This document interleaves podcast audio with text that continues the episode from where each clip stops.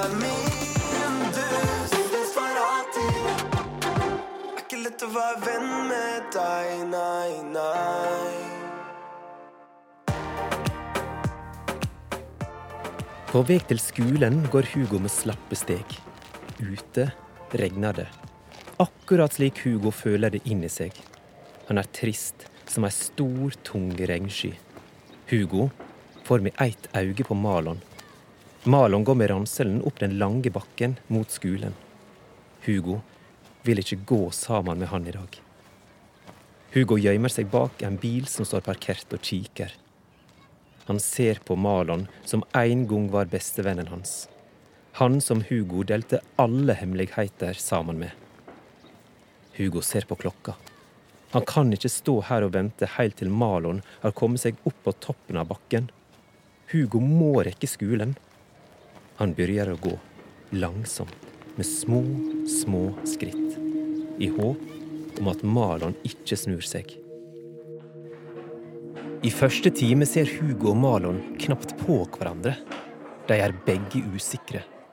Det virker nesten som at begge føler seg skyldig i at den andre ikke har det bra. Hugo klarer ikke å konsentrere seg. Han veit ikke engang hva fag de har.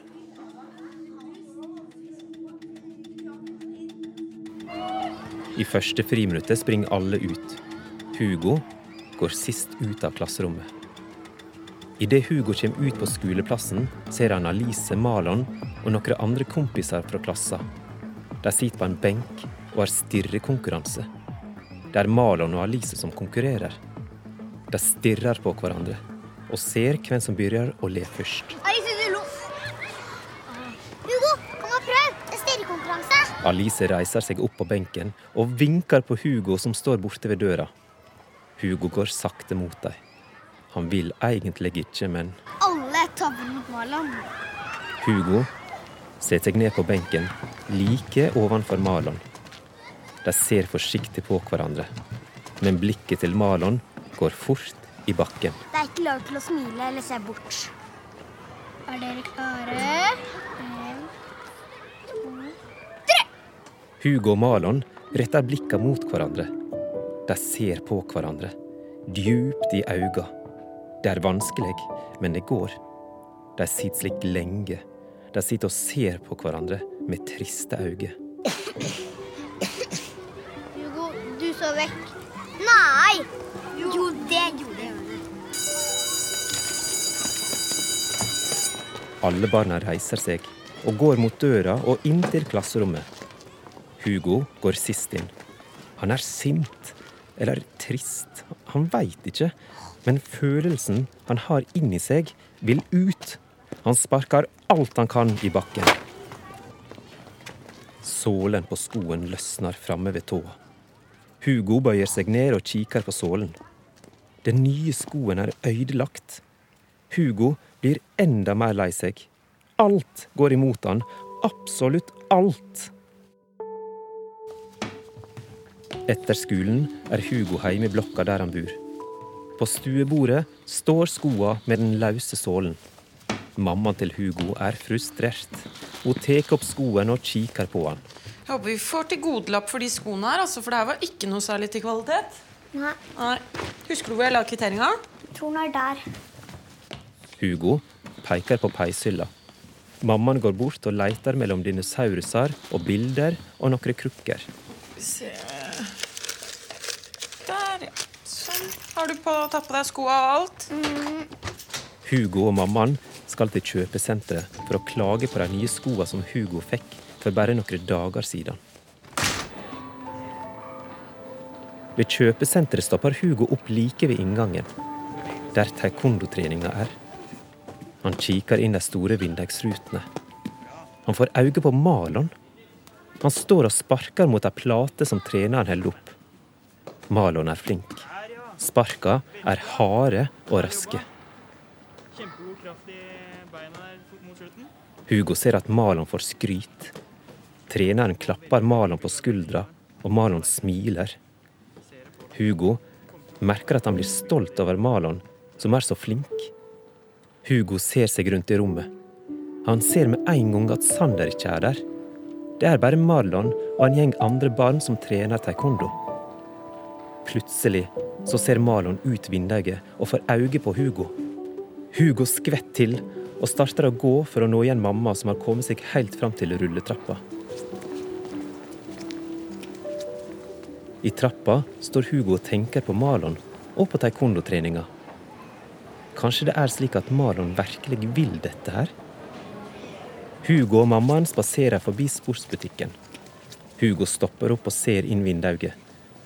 Han ser en stor prisplakat på bordet der taekwondo-belta ligger.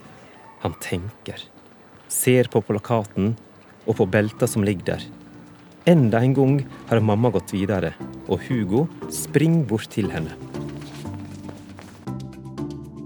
Inne i skobutikken står Hugo og mammaen ved disken med den ødelagte skoen. Hugo kikker opp på mammaen sin. Han er usikker på om han tør å spørre, men han gjør det likevel. Mamma, Ja? kan jeg være å få 98 kroner? Nei, det kan du ikke. Hvis det er sånn at du har brukt opp bursdagspengene dine nå, så kan ikke du bare få penger av meg bare fordi du har fått et nytt innfall. Du skjønner det? Ja. Ja. Ja. Jeg må beklage, men dette må ha vært en produksjon. Hugo følger med på mamma som snakker med dama bak disken. Men han hører ikke hva de snakker om. For det eneste han tenker på, er Malon. Hans beste venn. Malon. Ute i parkeringshuset står bilene parkert på rekke og rad. Hugo og mammaen er på vei til bilen akkurat idet Hugo får øye på noen tomme brusflasker som ligger på bakken. Han springer bort til dem. Det er to flasker. Ei lita og ei stor. Mamma, er det så fanget for de store flaskene? ja, og en for de små. Sett deg inn, da. Hugo smiler. Han springer mot bilen. Hugo har en plan. En skikkelig god en også.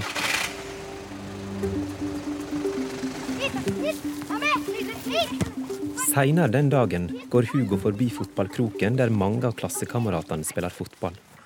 Hugo er på vei til noe helt spesielt. Han har en tom plastikkpose i handa, og den skal han fylle opp med mange, mange flasker. Han skal nemlig ut og leite etter flasker. Hugo kikker seg rundt.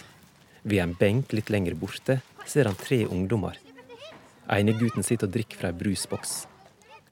Hugo smiler, går strake veien rett mot dem og stopper opp like ved der de sitter. Ja, hva er det? Bare vent på at du skal drikke opp. Så jeg drikker opp? Ja, Ok. Takk. Hugo merker at å spare opp til 98 kroner kanskje vil ta litt tid. Men han skal klare det. Han må få nok penger slik at han kan kjøpe belte. Taekwondo-belte. Hjemme hos Malon har Malon vaskedag. Han må vaske rommet sitt. Han drar ei blå fille raskt over bokhylla og pulten, mellom alle tingene han har. Mora til Malon har satt fram ei stor rød plasteske. I den skal Marlon legge gamle leker han ikke bruker lenger. Mange av leikene har han og Hugo lekt seg med så lenge han kan huske. Marlon løfter opp den store dinosaurusen som Hugo er så glad i. Marlon dreg filla over den. Han kikker på den røde eska, men setter dinosaurusen ned på pulten igjen. Marlon går bort til vinduskarmen, dreg filla over, da han plutselig får øye på Hugo ute på veien, med to bæreposer, en hvit og en svart. Det verker som Hugo går og leter etter noe i grøfta. Malon skulle ønske han var tøff nok til å banke på vindusruta. Eller kanskje åpne og rope etter han. Men han tør ikke. Han er for feig. Mammaen til Malon er utenfor huset da plutselig får øye på Hugo. Hei, Hugo. Hei. Hei. Ser du etter noe, eller? Nei. Hugo vil ikke fortelle hva han leter etter. Det er bare han som skal vite det. Han prøver å skjule plastikkposene, men han ser at mammaen til Malon smiler lurt. Malon er inn. Hugo blir usikker. Han kikker raskt opp mot soveromsvinduet til Malon. Han starter å gå igjen, i hurtig tempo. OK, ha det. Inne på soverommet til Malon har Malon gitt opp vaskinga. Han har satt seg ned på stolen sin og holder på med den store robotdinosaurusen. Mammaen til Malon kommer inn døra. Har du funnet fram ting til å ha i boden? Den røde kassa der. Malon peker mot plastkassa, stappfull av leker. Bort med alle lekene. Ja, Ja. Men dinosauren, da? den er Hugo sin. Hva skulle Hugo? Nei, han ville ikke si det. Nei. Malon kikker på dinosaurusen. Akkurat nå skulle han ønske at alt var som det hadde vært før. Før både Sander kom og taekwondoen. Da det var bare Hugo og Malon. Litt seinere på dagen står Hugo hos mormor sitt raudehus. I hendene har han fylt tre store plastikkposer med flasker. Er det én plass han veit han kan få mange tomme flasker, så er det hos mormor. Han ringer på døra og venter. Ja, men Hugo! Hei! At jeg har noen tomflasker. Om jeg har. Massevis. Kom inn, da. Å, la mormor få en klem. Mm. Vi går på kjøkkenet, vi. Ja. Hugo gir mormor en stor, god klem og går inn til mormors kjøkken. Mormor og Hugo har gått gjennom alle flaskene. Det er mange. Hugo smiler og føler seg heldig som har ei mormor som har så mange tomflasker. Se her. Det er den siste. Mormor putter ei tom brusboks i en av de mange plastikkposene. Klarer du det? Ja. Supert. Tusen takk. Vær så god. Lykke til, da. Endelig. Endelig kan Hugo prøve å få pante alle disse flaskene. Han kan ikke fatte om det ikke er 98 kroner i alle disse posene. De er heldigvis ikke tunge, men Hugo er uansett sterk. Han går trillende med sykkelen over lessa av poser med flasker, heilt til han kommer fram til nærbutikken. Han finner panteautomaten innerst inne i butikken. Han putter flaskene inn, én etter én. Det tar lang tid. Hugo ser at pengesummen som vises på en skjerm like ved der han putter inn flaskene, øker for hver flaske. Hugo panter flaske etter flaske. Summen er oppe i 60 kroner, men han har mange flasker igjen. Han kjører på. Medan Hugo har stått der, har det blitt kø bak han. Men Hugo tenker ikke over det. Han panter fortsatt, flaske etter flaske, helt til det er tomt. Nei! Nei. Hugo snur seg og får øye på en mann i kjeledress som står bak han. Mangler det mye? Egentlig ikke så veldig mye. Se her. Du kan få av meg. Mannen putter noen av sine egne flasker inn. Takk, det er nok. Det er nok. Jepp. Hugo smiler. Han trykker på den grønne knappen, og ut kommer kvitteringa på at han har panta for 98 kroner. Han takker mannen i kjeledressen og går til kassa og får pengene sine. Tusen takk. Vær så god. Ha det bra. Hugo følger nøye med når mannen bak kassa teller opp pengene. Det må være riktig, for beltet koster 98 kroner. Akkurat det han har panta for. Sånn. 98 kroner tilbake. Takk. Ha det. Ha det. Nå sykler Hugo fort, uten poser, men med lomma full av penger. Han sykler langs veien til kjøpesenteret. Så langt har han aldri sykla før uten mammaen sin. Men han har hjelm, og han er forsiktig. Dessuten så trenger ikke mamma få vite om det engang. Ved kjøpesenteret parkerer han sykkelen, springer inn gjennom dørene, stopper litt opp ved det store vinduet inn til taekwondo-salen, før han igjen legger på sprang mot sportsbutikken i andre etasje. Tidlig neste morgen veit ikke Malon noe om det som snart skal skje. Han går ut døra. Han går over grusen mot porten. Da han plutselig ser en pakke som stikker opp fra postkassa. Der er en lapp. Malon går bort til den og leser. Til Marlon fra Hugo. Malon tar pakken opp fra postkassa. Han aner ikke hva det kan være. Han rir forsiktig av papiret. Malon får øye på et svart taekwondo-belte. Malon klarer ikke la være å smile. Han kjenner ei glede i kroppen. Et svart belte. Hele veien på vei til skolen går Malon nesten som han svever. Ikke bare var det et svart belte, men det var fra Hugo, hans aller, aller beste venn. Det ikke Malon heller veit, er at Hugo står og venter på Malon like ved den bratte bakken opp mot skolen. Hugo står og venter. Han er nervøs, men aller mest er han spent og glad. Han håper Malon har sett pakken som han la i postkassa. Hugo får øye på Malon først. Og det er ikke rart, for øynene til Malon er bare festa mot én ting, og det er det svarte taekwondo-beltet.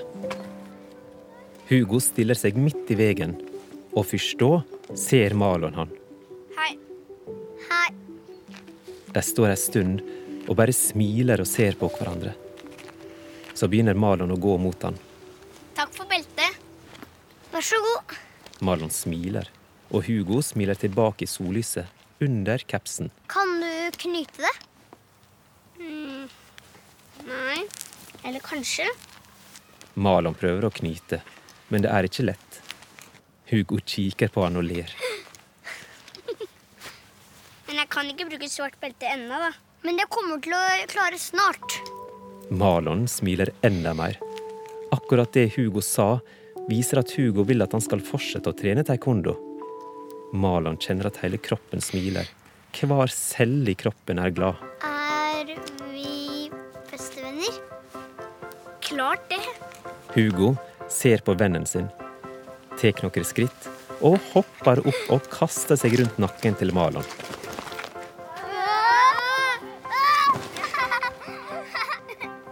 De begynner å gå oppover bakken. De er venner igjen. Kanskje enda bedre venner enn de noen gang har vært. For nå har de lært at bestevenner trenger ikke gjøre det samme hele tida. En kan være forskjellig og samtidig være verdens beste venner. Akkurat slik som Malon og Hugo. De går oppover den bratte bakken. Et stykke unna kommer Sander springende.